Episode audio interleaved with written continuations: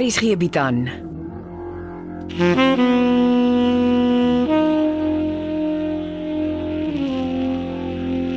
Beproeving deur Jo Kleinhans.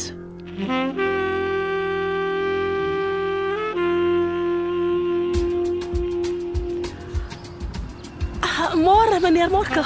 Ons het mos besluit jy gooi die meneer weg, Martha.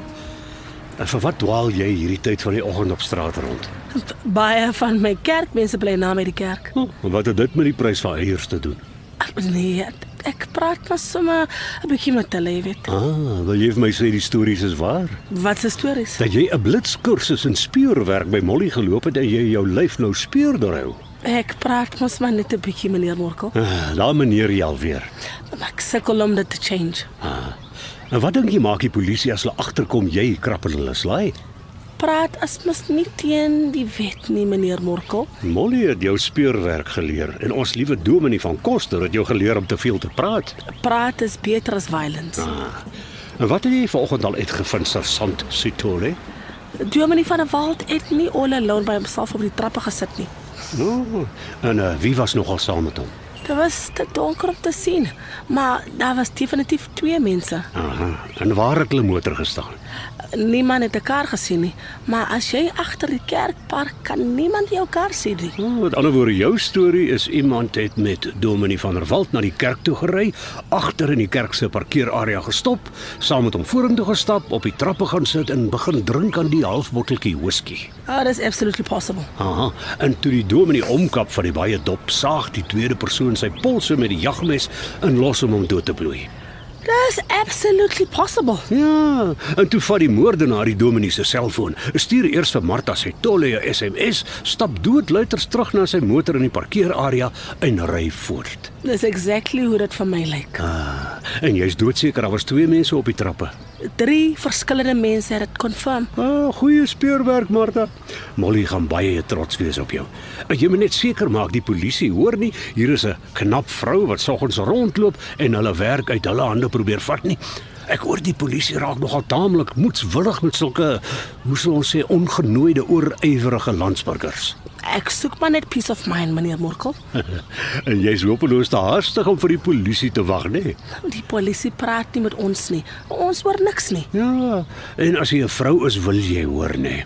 Ek kon jou drie mense sien of dit 'n man of 'n vrou was wat saam met die dominee op die trappe gesit het. Uh, Dis vat my nog baie plan. Hulle kon nie.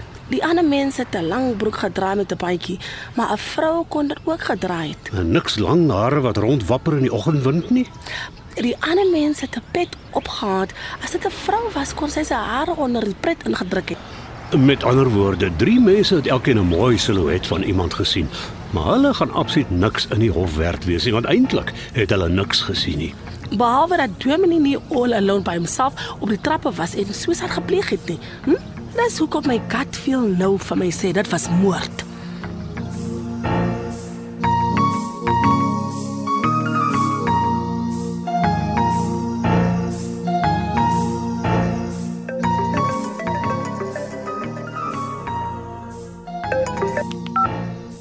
Hallo, Morkel. Ek praat net gou want my volgende pasiënt wag. Middag, Dawie. Ek is toevallig hier in die omgewing van die kunsateljee. Etienne Leroux staan lewensgroot in die kunsateljee. Het jy nie gesê hy sou vanoggend met die pakkie uitgevlieg het nie? Hy sou. En hoekom het hy nie? Dit is 'n lang storie. Dit raak my intens. Ons sal die dinge uitsorteer. Wat uitsorteer Dawie? Dis persoonlik. Jammer, ek is deel van die vennootskap. Ek wil weet wat aan die gang is. Ek en Etienne het bietjie mekaar uh, vasgehardloop. Nou na al die jare hoekom? Ek sê jou, dis persoonlik. Kon julle nie julle persoonlike verskille net vir 2 dae op ys sit nie? Ek sal dit hanteer. En wanneer nogal? Jy's nou onnodig moeilik. Kan jy my kwaadlik neem? Seker nie. Wanneer gaan Etienne in die lug wees? Ek bel jou vanaand. Is jy nog so seker jy kan die man vertrou? Morkel, ek weet wat ek doen. Los dit nou. Ek sal jou bel. Totsiens.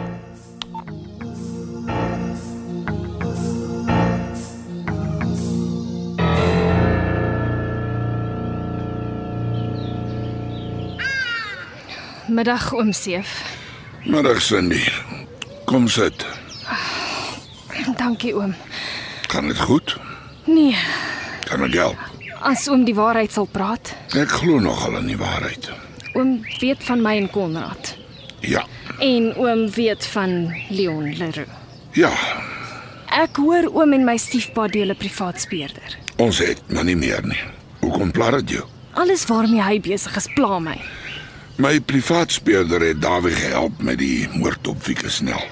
En Konrad se pa en my stiefpa is skielik groot sake vennote. Wat is dit nou eintlik, Cindy? Julle familie is op 'n baie goeie plek met my stiefpa. Hoekom pla dit jou? Dawie Becker luister altyd as geld praat. Sê jy ons het Dawie omgekoop? Het oom hulle Nee. Maar interessant dit selwe. Hoekom dink jy het ons jou stiefpa omgekoop? omdat Leon laatmiddag deur die regisseur ingeroep is. Skus. Maar ek weet bitter min van regisseurs en sulke goed. Die regisseur is die spul waarom die TV-produksie draai. Wat hy sê en besluit is wet. En wat sê die regisseur toe vanmiddag vir Leon? Dat sy karakter uit die TV-reeks geskryf word. Ah. Hy skiet nog net hierdie maand.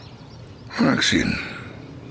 En jy dink dis ons wat vir Dawie geld betaal het om van Leon Leroux ontslae te raak. Het oom hulle, Ek het gedog jy ken my beter as dit. maar Morkel Ninaber sal nie twee keer dink om dit te doen nie.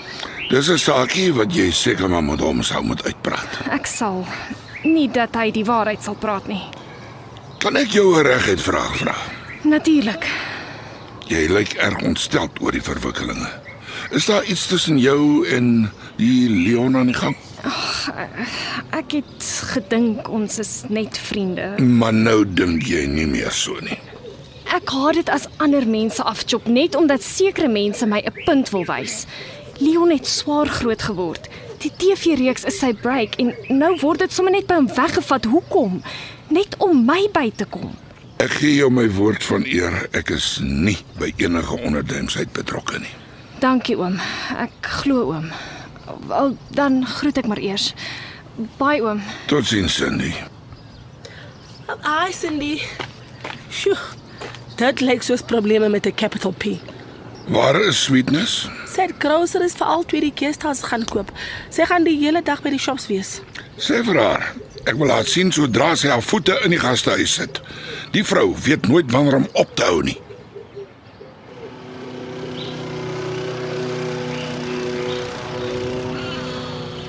En jy ry al die pad na my meentuis toe en beskuldig my van omkopery. Dis of oom of oom Seef en hy sê dit is nie hy nie. Ah, nou kan ons maar net een vark in die verhaal wees en dis Morkel nie naby. Ek kan duidelik my stiefpa se hand in die skuif sien en hy hou nie van Konrad nie, punt. Hoekom sal hy nou vir Konrad probeer help? Die enigste logiese afleiding wat ek kan maak is dat hy 'n klomp geld in die hand gedruk is om van Leon Leroux ontslae te raak. Ah, en die man met die geld is natuurlik ek en Konrad is my seun. So die enigste logiese afleiding is dat ek die klomp geld in jou stiefpa se hand gestop het. Dit maak sin. Aha, maar dis twak. Nou help my dan om te verstaan, oom. Kom ek vertel jou 'n geheimpie. Jou pa en sy groot vriend van die kunsatelier Etienne het gisteraan die moeder van verskille gehad. Waaroor? Dis glo persoonlik. Die boesemvriende wat van waar sit die dae af saamkom en nog nooit beklei het nie. Maar gisterand het iets hulle sleg aan mekaar laat spring. Hulle beklei nooit nie. Ja, en die verskil was so groot dat hulle alle sake transaksies vereers opgeskort het. En al hoekom ek dit weet, is omdat een van die transaksies my direk raak. Want dan moes dit iets majors gewees het. En hier kom jy vanmiddag aangewals en beskuldig my dat ek jou stiefpa omgekoop het net om Leon uit die TV-reeks te laat skryf. Dis al afleiding wat ek kon maak met die feite tot my beskikking. Weet jy wat dink ek? Ek dink wat met Leon gebeur het is 'n oorspoel effek van gisteraand se groot onder onsie. En as ek jy is, probeer ek uitvind waaroor jou stiefpa en Etienne Leroux aan mekaar gespring het. Ek dink oom is reg en ek dink ek weet waar ek moet begin soek. Ah, en beslis nie by my nie. Nee, dit is nie. Ek is jammer dat ek oom vals beskuldig het. Dis reg. Maar dankie oom. Oom het my baie gehelp. Thanks.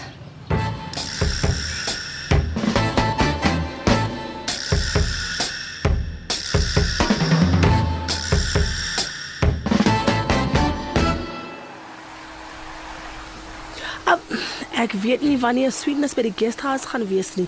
Sy shop vir ons almal. Sy antwoord nie haar foon nie. Dalk bestuur sy. Sy praat nie op haar selfoon as sy bestuur nie. Dan bestuur sy al die hele middag want ek bel aan mekaar. Kan ek vir jou ietsie gou ingooi? Asseblief, sal lekker wees. Het jy geweet die dominee is vermoor? Nee. Wie sê so? Die nuwe evidence. Daar was twee mense op die kerktrappe. Was die polisie hier gewees? Nee, nog nie. Nou hoe weet jy dit. Ek het my kontak. Weet hulle wie die tweede mens was? Hulle sal mos nie vir my sê nie, maar ek dink Amelia is bietjie in trouble, Hoekom? want die jagmes was mos haar oorlede pasen. Dit beteken nie dit was Amelia gewees nie. Ek weet, maar die police captain gaan haar baie vragies vra. Het jy haar gewaarsku? Ah, nog nie. Miskien moet jy soontoe ry en vir haar van die nuwe evidence vertel. Is beter as sy haar goed prepare. OK, ek ry. Uh, Maar sê jy vir Sweetness, ek wil dringend met haar praat. En waar hoor jy al die twak wat jy kwytraak? Ah, en man, skaam vir Tatie. Mense luister nie na ander mense se speeches nie. Wie is jou polisie kontak? Ek het 'n paar. Martha, hou op om krompaaie te loop. Het jy weer speurwerk gedoen? Ja, Tatie. Daar was twee mense op die kerktrappe gewees. Drie mense het dit gesien. Maar niemand weet wie dit was nie. Nee. En nou raai jy sommer dit was Amelia. Nee, ek sê niks. Die evidence praat. Genuine detectives werk net met die evidence. Martha, hou vir jou uit die polisie se werk uit. Jy het Nieu-Seelandse gaste wat my ore van my kop af praat oor hoe die All Blacks môre die Springbokke gaan opdons. Loop gee vir hulle koekies en tee of enigiets wat hulle groot monde sal toekry.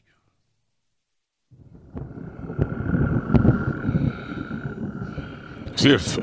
En jy eh, kom ons sit asseblief sommer hier buitekant en praat. Goed. Maar uh, ons moet vinnig praat. Dit lyk na reën. Ja. Ek moet iets van my hart af kry, want dis 'n delikate saak.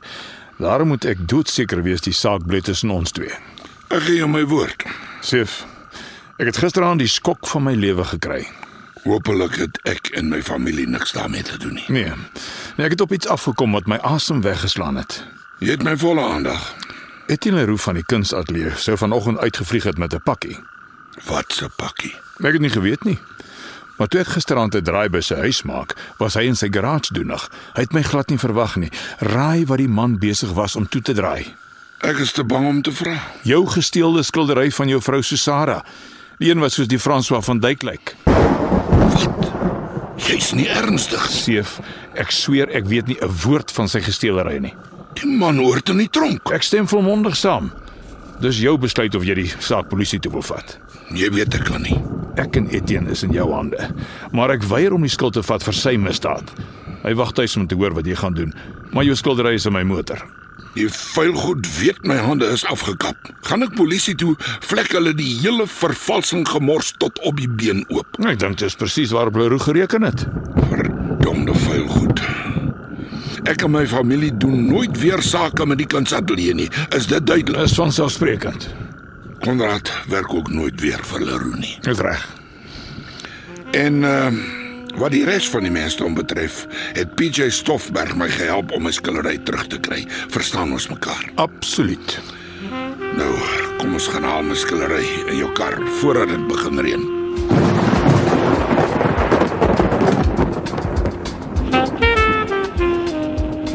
Dit was episode 34 van Beproewing deur Jo Kleinhans. Die spelers is Martha Setole, Dr. Gaso Nkatlo, Morkel Ninaber, Logne de Kok, Dawie Becker, Roel Bekes, Cindy Nel, Lelia Etsebet, Sefi Sagie, François Stemmet. Die storie word tegnies versorg deur Evert Snyman Junior en Bongwe Thomas en die regisseur is Renske Jacobs.